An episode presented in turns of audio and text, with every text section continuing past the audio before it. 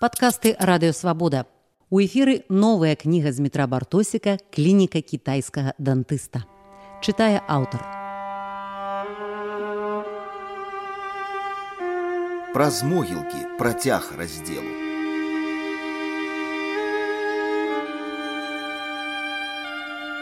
Могілкі, магілы, труны, дамавіны. Колькі ж я іх сустракаў на сваім шляху. Улетку 2005 году, стоячы перад закрытай труной паэта Анатоля Сыса, я з іроніяй згадваў сваю зайздрасць, звязаную з ягонымі вершамі.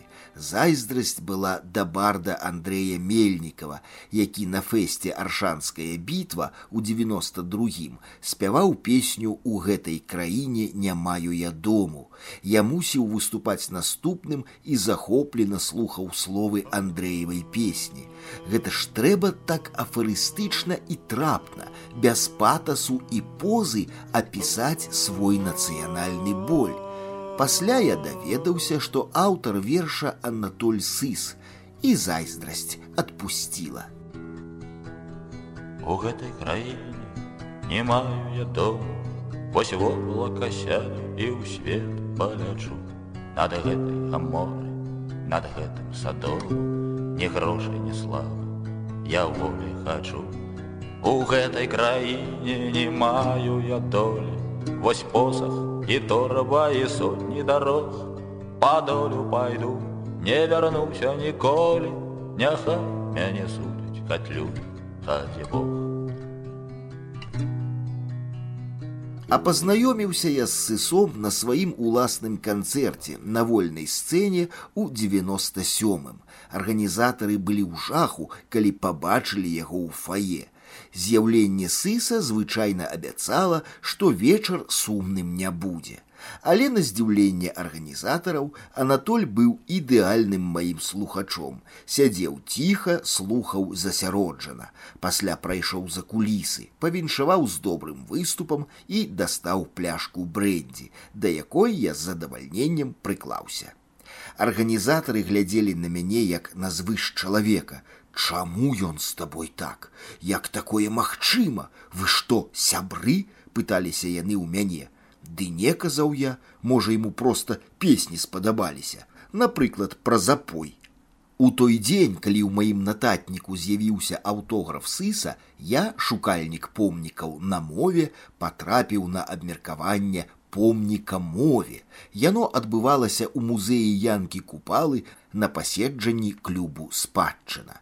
Спачатку старшыня суполкі Анатоль Белы доўга распавядаў пра свой візіт да дачкі ў ЗША з бацькоўскім гонарам паведамляючы, колькі ў новым доме дачкі прыбіральняў і душавых. Пасля ўсе даведаліся, што рада БНР жыве, абнаўляецца і яе ўплыў расцякаецца па планеце. За Еўропу адказвае спадар навумчык. СНГ дасталася спадару нюньку з вільні а пазніку трэба было б даць Афрыку. Так і падзялілі б увесь шарык, адкаментаваў інтэлігентны дзядок, які сядзеў побач. Затым пачалося самае цікавае абмеркаванне помніка мове. Найбольшую увагу прысутных прыцягнулі два праекты. Першы ўяўляў сабою аграменную чарніліцу з устаўленым яе пяром. Калі ўявіць маштаб чарніліцы адзін да 200, то пяро ператваралася ў вялізную стэлу на пастаменце. Я чамусьці згадаў, што адзін мой знаёмы кожную ваданапорную вежу называе помнікам гранаце. Другі праект быў больш клясычны. Жанчына, маці Беларусь, трымала на руках дзяўчынку, мову, перадаючы ёй пяро, неўміручасць нашага пісьменства. На пастаменце барэльефы з магароў за матчыну мову. Абодва праекты настолькі спадабаліся прысутным, што вырашана было маці усталяваць у Менску, а чарніліцу падараваць полацку. З дзяржаўным фінансаваннем, як высветлілася, праблемаў быць не павінна. Як кажуць, хто хавае, той і заказвае надмагілле.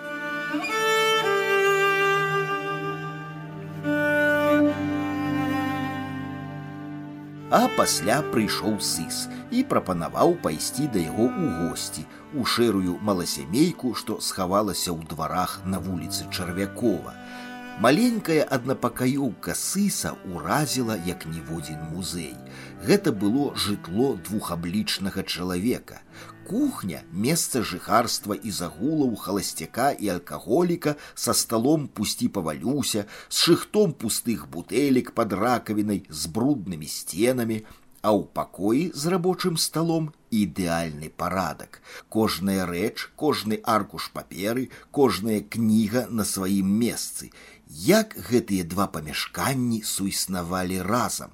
Так павінна выглядаць жытло доктара Джекіла, прыстойнага пана добрых манераў, які, пераходзячы парог кухні, імгненна пераўтвараўся ў містера Гайда, злодзея і арангутанга. Мы тады пілі на кухні, і я запомніў, ці мне здалося, як захмялелы сыс, падыходзячы да свайго пісьмовага стола, заўважна цверазеў. На кухні ён мацярыў латыскага паэта Улдыса Берзеньша. Чым яго дапёк калега, я так і не ўцяміў. Але сеўшы за стол, сур'ёзны і засяроджаны сыс попрасіў у мяне нататнік узяў чырвоную асадку і зусім цвярозым почыркам напісаў Латыская дывізія СС з барадатым рыжым ахвіцэрам увайшла на досвідку ў пан лес, якаб выжыць абярнуўся зверам. Бацьку у луня ператварыў, маці у нямую салаўіху, кніжку ў рызе дурань ахвіцэру падарыў рыжаму на ліха. Штандартенфюрер Берзынш, што прыйшоў паляваць паэтаў беларускіх, хіба табе мала латышоў, ці палякаў, ці жытоў, ці рускіх, на сцяне сталёвы пісталет, а на сэрцы пераплёт абая. Хто табе навёрз, што я паэт, што як пан свой лес блакадны маю. Такі пан каўтун у галаве, на душы трывога, абы ціха лунь хавайся у сівой траве, у лісці хавайся, салаўіха.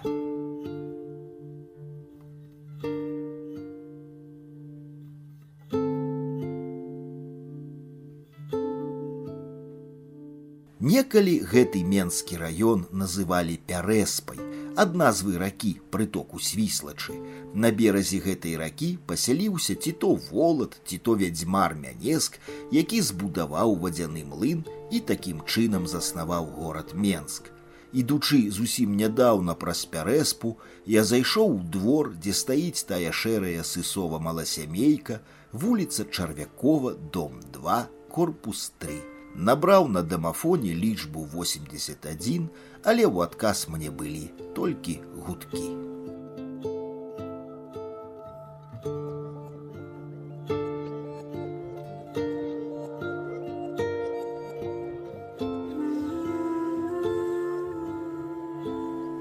сышоўшы таго памятнага разу з купалаўскага музею у дом музей Анатоля Сыса, я ніяк не мог прадбачыць, што далей моя дорожка дацягнецца і да коласавай хаты. На развітанне сыс выцягнуў фаліянт які аказаўся нотным сшыткам нейкага выдатніка 1907 году з нясвіскай настаўніцкай семінарыі і абавязаў мяне аднесці гэтую працу нікому невядомага семінарыста у дом бессмяротнага вучня той самай установы. Вы сябры сыса? асцярожна запытала дырэктарка з хваляваннем прымаючы фаліянт і аглядаючы мяне і славаміра адамовича які склаў мне кампанію нам прапанавалі застацца паабяцаўшы неўзабаве цікавую сустрэчу і пакуль славамір вывучаў улёткі часоў другой усесветнай знаходзячы ў коласаўскіх радках на тэму біфашыста сугучнасць сённяшняму дню я добрасумленна бадзяўся па былым асабніку у дарэмным намаганні адчуць прысутнасць таго хто пражыў тут свае апошнія гады ці не адзінага вялікага нашаніўца, які пайшоў з жыцця сваёй смерцю у сваім доме. У адрозненне ад купалавага дому гэтыя сцены памятаюць голас свайго гаспадара, ад чаго асабліва калі ты блукаеш тут адзін, пачуваешся няпрошаным госцем.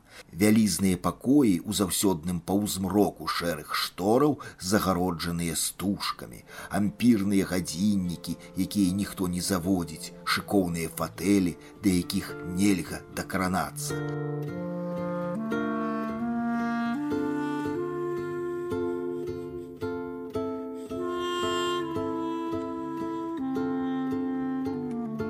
а дом патроху запаўняўся галасамі новых гасцей. Паважныя навукоўцы, мітуслівыя журналісты, разняволеныя студэнты. У гушчы публікі я пазнаў сакрата Яновіча. Аказалася, зусім нечакана для сябе мы са славамірам трапілі на прэзентацыю новай кніжкі гэтага прызнанага аўтара, што выйшла ў мастацкай літаратуры сцяна прачытаў я на вокладцы не без здзіўлення гэта быў пачатак 1998 году набор кнігі з такой самай назвай летась рассыпалі ў той самай мастацкай літаратуры то была кніга васіля быкова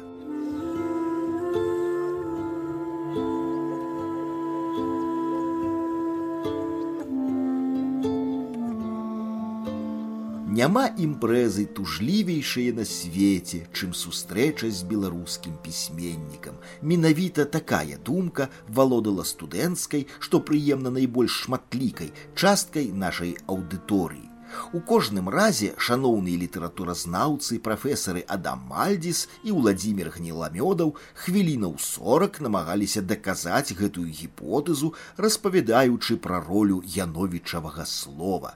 Мне ўзгадалася неўміручае шалкевіцкае і пры паваленым яновічавым плоце мы станем ціхенька і будзем гаварыць. Стаміўшыся чакаць выступу героя дня, я вырашыў зазірнуць у ягоную кнігу, сама назва якой правакавала на пэўныя пытанні. Але дата напісання 1977 год гэтыя пытанні мякка здымала. Прачытаўшы наўздагад выбраны абзац, я трохі збянтэжыўся. Мне трапілася наступнае – усё прышылі яму. Уляпілі сумленевічу дзіўна нямнога гадоў нешта паўтара нечуваныя без грашовай кампенсацыі пацярпеламу. Быццам учорашнюю газету адгарнуў.